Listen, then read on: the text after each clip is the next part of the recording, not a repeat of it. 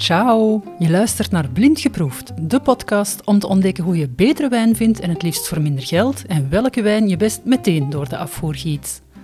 Sta jij regelmatig in de wijnafdeling van je lokale supermarkt te draaien en loop je vervolgens richting kassa met dat flesje dat je koos enkel op basis van een mooi etiketje? Heb je geen idee waar je best op let wanneer je wijn moet kiezen?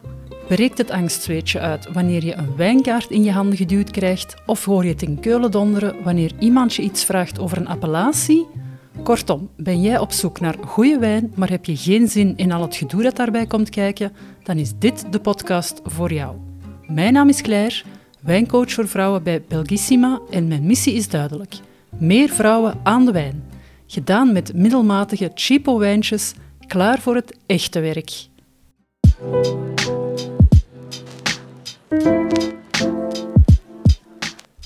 Hallo en welkom in aflevering 7 van Blind Geproefd. Wat is het verschil tussen goedkope en dure wijn? Die vraag wil ik vandaag beantwoorden. Uiteraard is er een prijsverschil. En dat is logisch dat goedkope dingen dat die anders zijn, dat die andere kwaliteiten hebben dan duurdere producten. Maar ik wil eens kijken waar dat, dat verschil in prijs nu eigenlijk vandaan komt. Uh, voor de, de juiste benamingen, duurdere wijnen worden ook wel eens premium wijnen genoemd of luxe wijnen. En helemaal aan de andere kant van het spectrum, dan heb je de goedkope wijnen. En in, de, in het vakjargon worden die ook wel eens de high volume inexpensive wines genoemd. En die naam van die laatste verklapt het al een beetje. Goedkope wijn is zo goedkoop omdat die in grote volumes kan worden geproduceerd. En grote volumes staan meestal garant voor lagere prijzen. Denk maar aan de Colruyt. Wie groot inkoopt, die krijgt korting. Als we daarvan uitgaan, is het dan zo dat wijnmaker A, die duurdere wijnen maakt, geen zin heeft om grote volumes te maken en is die gewoon een beetje lui misschien?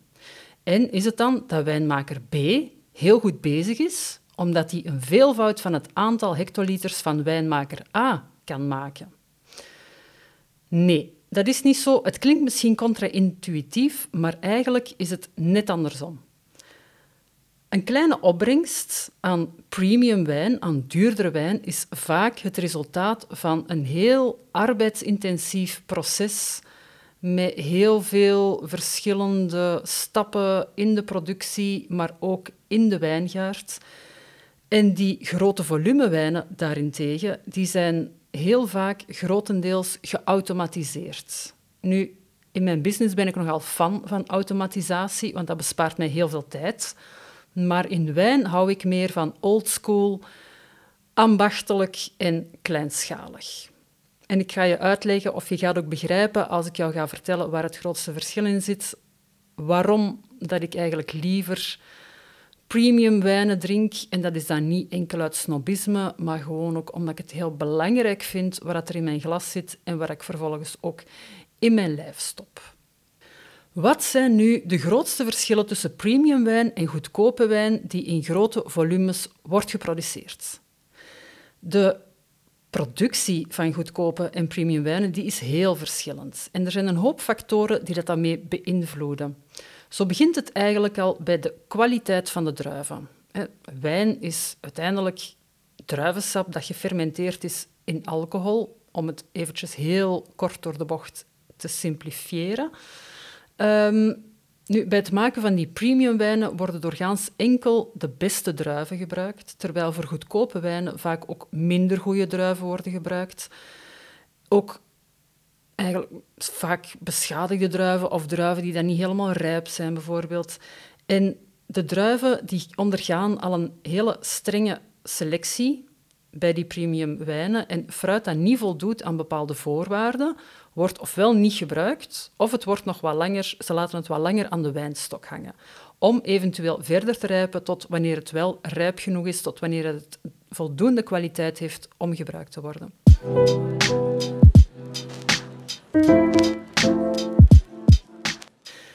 Je weet waarschijnlijk wel dat de, tenminste in ons noordelijk halfrond uh, de wijnoogst in september, oktober gebeurt.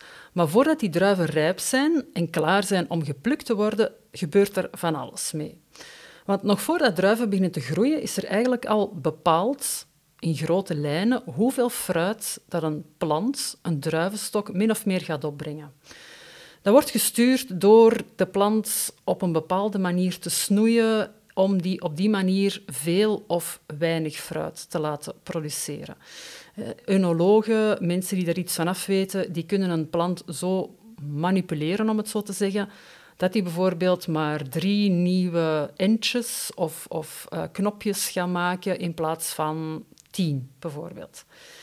En dan denkt je misschien van, ja, maar veel fruit, dat is toch altijd beter dan weinig fruit? Uh, bij druiven voor wijn is dat dus niet zo. Eigenlijk is het net omgekeerd, want elke plant heeft een bepaalde hoeveelheid energie waar dat die zijn fruit mee moet doen groeien.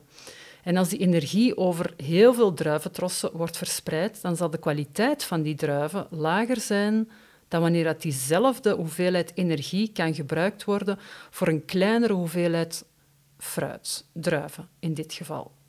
Nu, wat zijn kwalitatieve druiven? Kwalitatief fruit, dat is rijp en onbeschadigd fruit, met voldoende suikers, voldoende zuren en ook met heel veel geconcentreerde smaken. Want die smaken die gaan er uiteindelijk voor zorgen uh, dat de wijn helemaal op het einde van de rit zijn specifieke smaak gaat krijgen.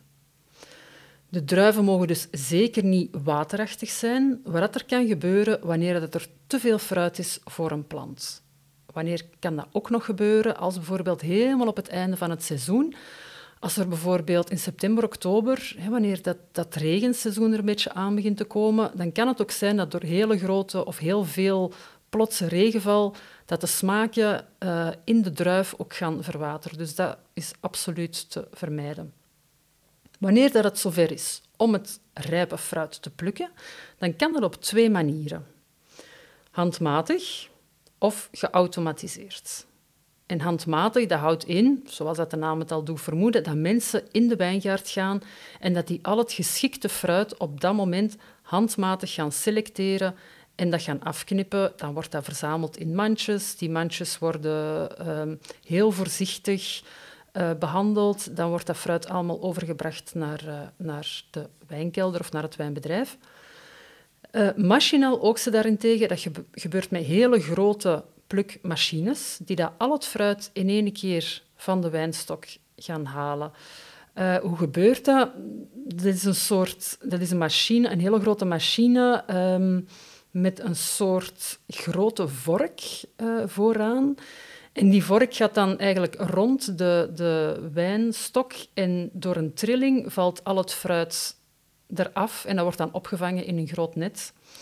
Maar natuurlijk, bij die methode betekent dat ook dat er geen selectie kan gemaakt worden. Dus dat eigenlijk al het onrijpe fruit en ook het beschadigde fruit, het rotte fruit, mee wordt verzameld. Als de wijnmaker of de producent voldoende tijd en geld heeft en daar energie in wil stoppen, dan kan die nog wel achteraf nog wel een selectie maken natuurlijk van het rijpe fruit en van het onrijpe fruit. Waarom doet dat niet iedereen aan handmatig oogsten, vraag je misschien af, als dat zoveel beter is? Wel, vooral omdat het heel duur is. Het vraagt heel veel mankracht, arbeidsuren, maar ook omdat het niet altijd mogelijk is. Soms moet er heel snel geoogst worden, bijvoorbeeld omdat de oogst wordt bedreigd door slecht weer, door grote aangekondigde stormen, hagelbuien, uh, extreme weersituaties of net omgekeerd door heel warm weer, waardoor dat er te veel suikers in het fruit gaan komen. En dan is het belangrijk om tijdig te oogsten, zodat het fruit niet verloren gaat, zodat de oogst niet verloren gaat. En het gebeurt ook dat het wijngoed soms gewoon veel te groot is om handmatig te oogsten. Een ander voordeel van machinaal oogsten kan zijn dat dat ook s'nachts kan gebeuren. Um, het is niet zo handig om handmatig s'nachts te plukken, maar met machines kan dat wel. En dat kan belangrijk zijn om de frisheid van de druiven te behouden. S'nachts dalen de temperaturen, is dat fruit ook frisser, koeler. En dan is het makkelijker om, vooral bij witte wijnen, om die koele druiven meteen te persen. Uh, dat slaat weer al een stap over in het koelproces, dus dat kan een voordeel zijn. Nu, omgekeerd is het ook niet overal mogelijk om machinaal te oogsten. Dat kan eigenlijk alleen maar op vlakke en rechte stukken. Dus wijngaarden die daar op een helling liggen of in terrasbouw bijvoorbeeld zijn aangeplant, die moeten sowieso handmatig geoogst worden. Die manier van oogsten die gaat uiteindelijk al meespelen in de uiteindelijke prijs van de wijn. Dus onze druiven zijn geplukt, die gaan naar het wijnbedrijf en dan zijn die klaar om wijn van te gaan maken.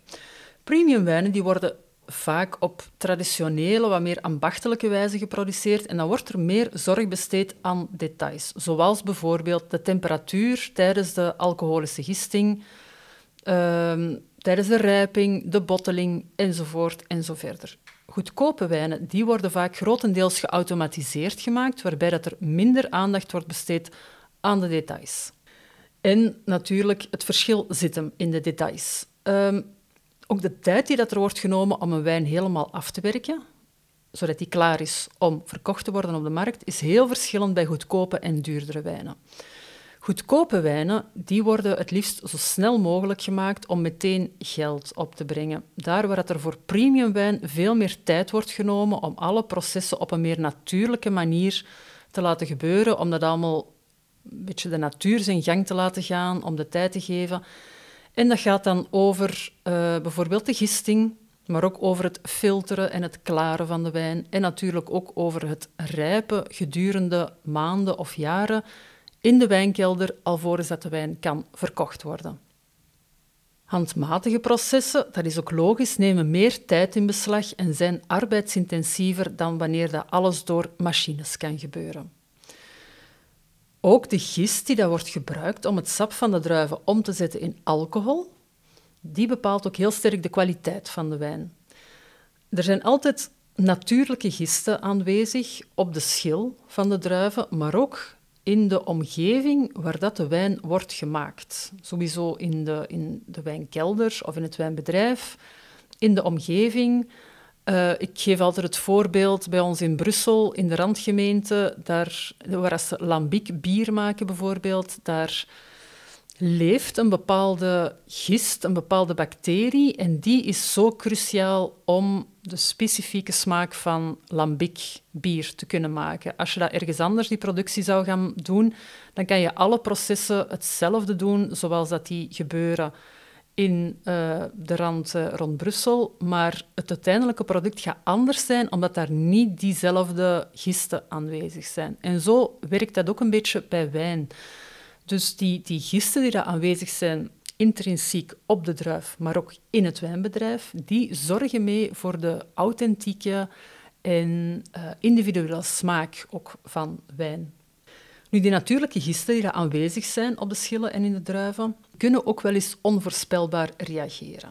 En als je als producent zeker wil zijn dat er tegen een bepaald tijdstip een minimum aan alcoholgehalte aanwezig is in dat sap, dan ja, dat is natuurlijk niet handig hè? als je niet op voorhand kan weten hoe dat er allemaal gaat uitdraaien. Dus dan bestaan er commerciële gisten. Die kan je gewoon gaan kopen in de groothandel, zeg maar de, de, de de macro of de, uh, de hanos voor wijnproducenten, noem ik het dan. Um, het nadeel van zo'n artificiële gisten is dat die minder interessante, minder complexe smaken gaan opleveren in de uiteindelijke wijn dan de natuurlijke gisten die aanwezig zijn. Bovendien, heel veel van die gisten zijn, die hebben verschillende smaakjes, of die, tenminste die zorgen voor verschillende smaakjes. En dat maakt ook dat je als producent een wijn heel erg kan gaan manipuleren om ervoor te zorgen dat die uiteindelijk een bepaalde smaak gaat hebben. En dan zou je kunnen denken, ah, maar dat is toch juist heel interessant, want dan kan je zelf een beetje sturen hoe dat die wijn gaat proeven. Uh, ja, maar ook nee, want die, die smaken zijn veel minder complex, veel vluchtiger, die verdwijnen veel sneller uit de wijn dan de smaken die daar worden veroorzaakt of gecreëerd door de gisten die dan natuurlijk aanwezig zijn in wijn.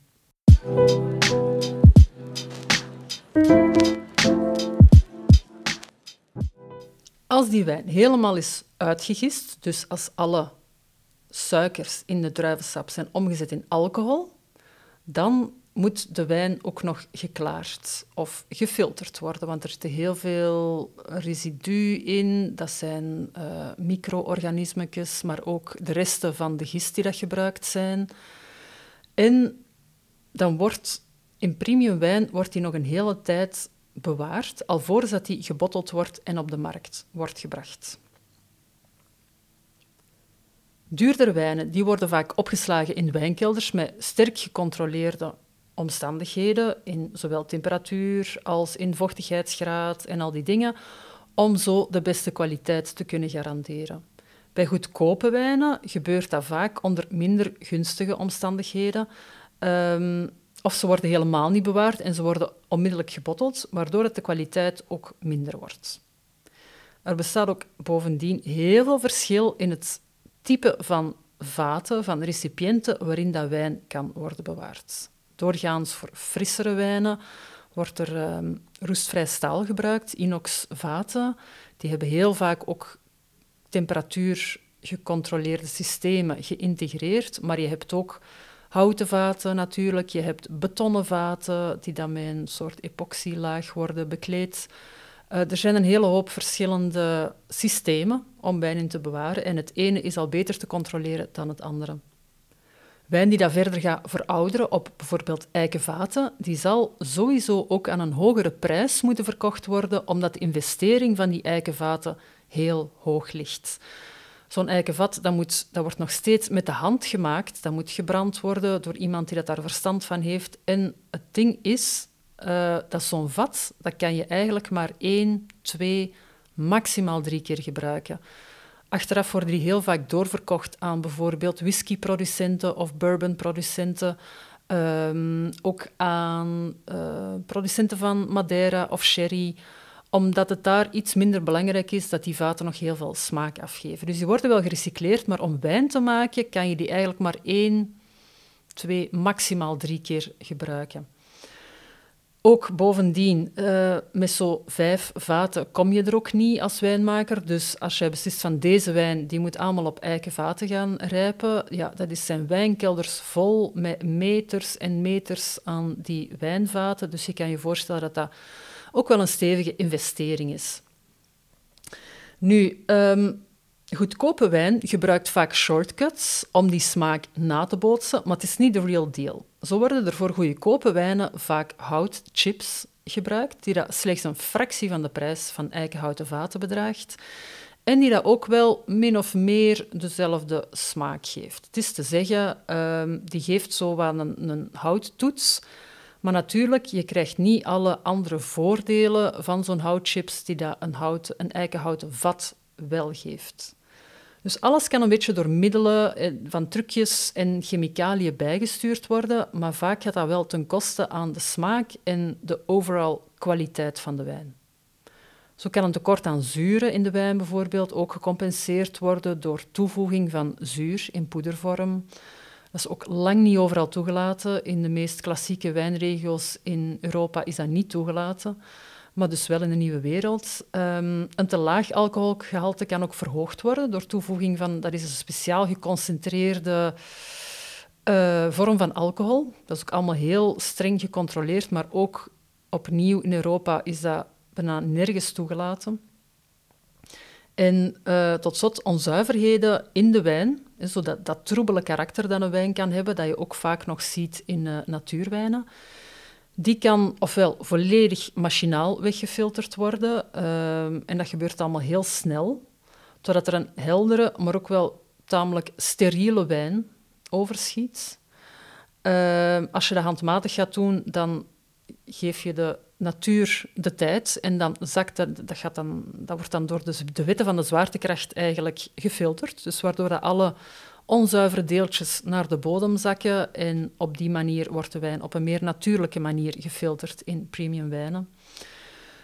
Nu, maar als dat dus machinaal gebeurt bij die, bij die uh, inexpensive high-volume wines, dan wordt er heel vaak ook nog eens een hoge dosis aan sulfieten toegevoegd, alvorens dat die wijn wordt gebotteld, om ook zo een beetje de artificiële frisheid van de wijn te bewaren, totdat die uiteindelijk bij jou op tafel komt, totdat die wordt uh, geschonken.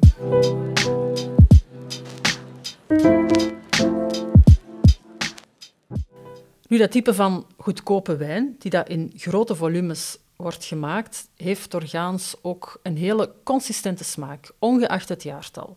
Er zullen dus geen grote verschillen zijn tussen jaargangen onderling, daar waar dat bij premiumwijnen dus bijna altijd wel het geval is.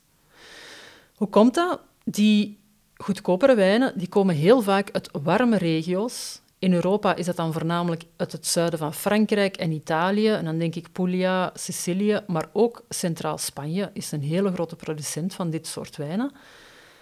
Maar het gros van de wijnen komt uit de nieuwe wereld. Uit Australië, uit Zuid-Afrika, uit Chili, Californië enzovoort. Het klimaat daar is veel stabieler en er zijn geen grote temperatuurverschillen tussen de jaren onderling. Premiumwijnen daarentegen komen meestal uit koelere klimaten, daar waar er wel grote verschillen kunnen zijn tussen jaargangen onderling en waar je dus ook grotere verschillen in smaak kunt hebben tussen verschillende jaargangen. Vandaar dat er ook vaak bij duurdere wijnen, vooral uit de klassieke wijnregio's, Bourgogne, Bordeaux, uh, Côte d'Uron, uh, maar ook in Italië, bijvoorbeeld bij Barolo, bij um, Chianti Classico, bij Brunello di Montalcino, dat soort wijnen is er wel een heel groot verschil tussen jaren onderling en vandaar dat bepaalde jaargangen veel meer gegeerd zijn dan andere, waardoor het de vraag ook zal stijgen en waardoor dat wijnen uit bepaalde jaargangen ook duurder zullen zijn dan wijnen uit minder goede jaargangen. Dus al die factoren samen kunnen leiden tot aanzienlijke verschillen in smaak en in geur, maar ook in, in body, een beetje in alcohol, en in de algemene balans tussen goedkope en premium wijnen. Premiumwijnen hebben meestal een meer complexe en diepere smaak die dat zich ook met de tijd verder gaat ontwikkelen, terwijl dat goedkope wijnen doorgaans een hele simpele, eenvoudige, fruitige smaak heeft, hebben die dat heel snel gaat vervagen en die dat ook redelijk generisch is. Een beetje eenheidsworst eigenlijk. Goedkope wijnen worden bovendien ook gemaakt om snel gedronken te worden, vaak binnen een, een beperkte tijdspanne van een jaar, maximaal twee jaar. En daarom worden ze op zo'n manier gemaakt, op grote schaal en ook het liefst zo snel mogelijk. En om dat te kunnen doen, zijn er veel meer chemicaliën nodig en ook veel meer automatisatie dan bij premium wijnen. Uiteraard worden al die toevoegingen van die chemicaliën en al die chemische processen heel nauw gemonitord. Ehm, dat gebeurt wereldwijd, dus het is niet zo dat je als wijnmaker zomaar aan de slag mag gaan met zoveel sofieten als dat je zelf wil. Dat is allemaal heel streng gereglementeerd. Maar uiteindelijk heb je toch maar mooi, binnen. En het is altijd beter om een lager gehalte aan sulfieten en chemicaliën binnen te krijgen dan veel. Dat spreekt voor zich. Ik begrijp ook, op het einde van de dag heeft iedereen zijn budget en kies je ook wat je zelf belangrijk vindt. Maar ik vind het even belangrijk dat je ook begrijpt waarom dat duurdere wijnen hun prijs hebben en waarom dat je in de supermarkt heel veel goedkope wijntjes uit Chili vindt voor enkele euro's. En ook even belangrijk is dat je beseft dat je niet dezelfde kwaliteit kunt verwachten van dit type wijntjes als wanneer dat je een premium wijn zou drinken van, laten we zeggen, tussen de 10 en de 15 euro. En dan hoor ik klanten heel vaak zeggen, ah, maar 10 of 15 euro, ik vind dat toch al wel veel om daar aan een fles wijn te besteden. Maar diezelfde mensen die bestellen vervolgens op restaurant zonder verpinken een huiswijn van 20 euro aan een wijn die dat eigenlijk zeer middelmatige kwaliteit biedt en die dat misschien productiematig misschien maar 2 of 3 euro heeft gekost. En daar hebben ze dan geen probleem mee, maar om dat in de winkel te besteden wel. Opnieuw, iedereen moet dat voor zichzelf beslissen. Maar de conclusie van dit verhaal is dat kwaliteit wel degelijk zijn prijs heeft en dat je er ook een natuurlijker product voor gaat terugkrijgen. Dat wil niet zeggen dat ik verwacht dat je alleen maar premium wijnen gaat drinken. Ik doe dat zelf ook niet.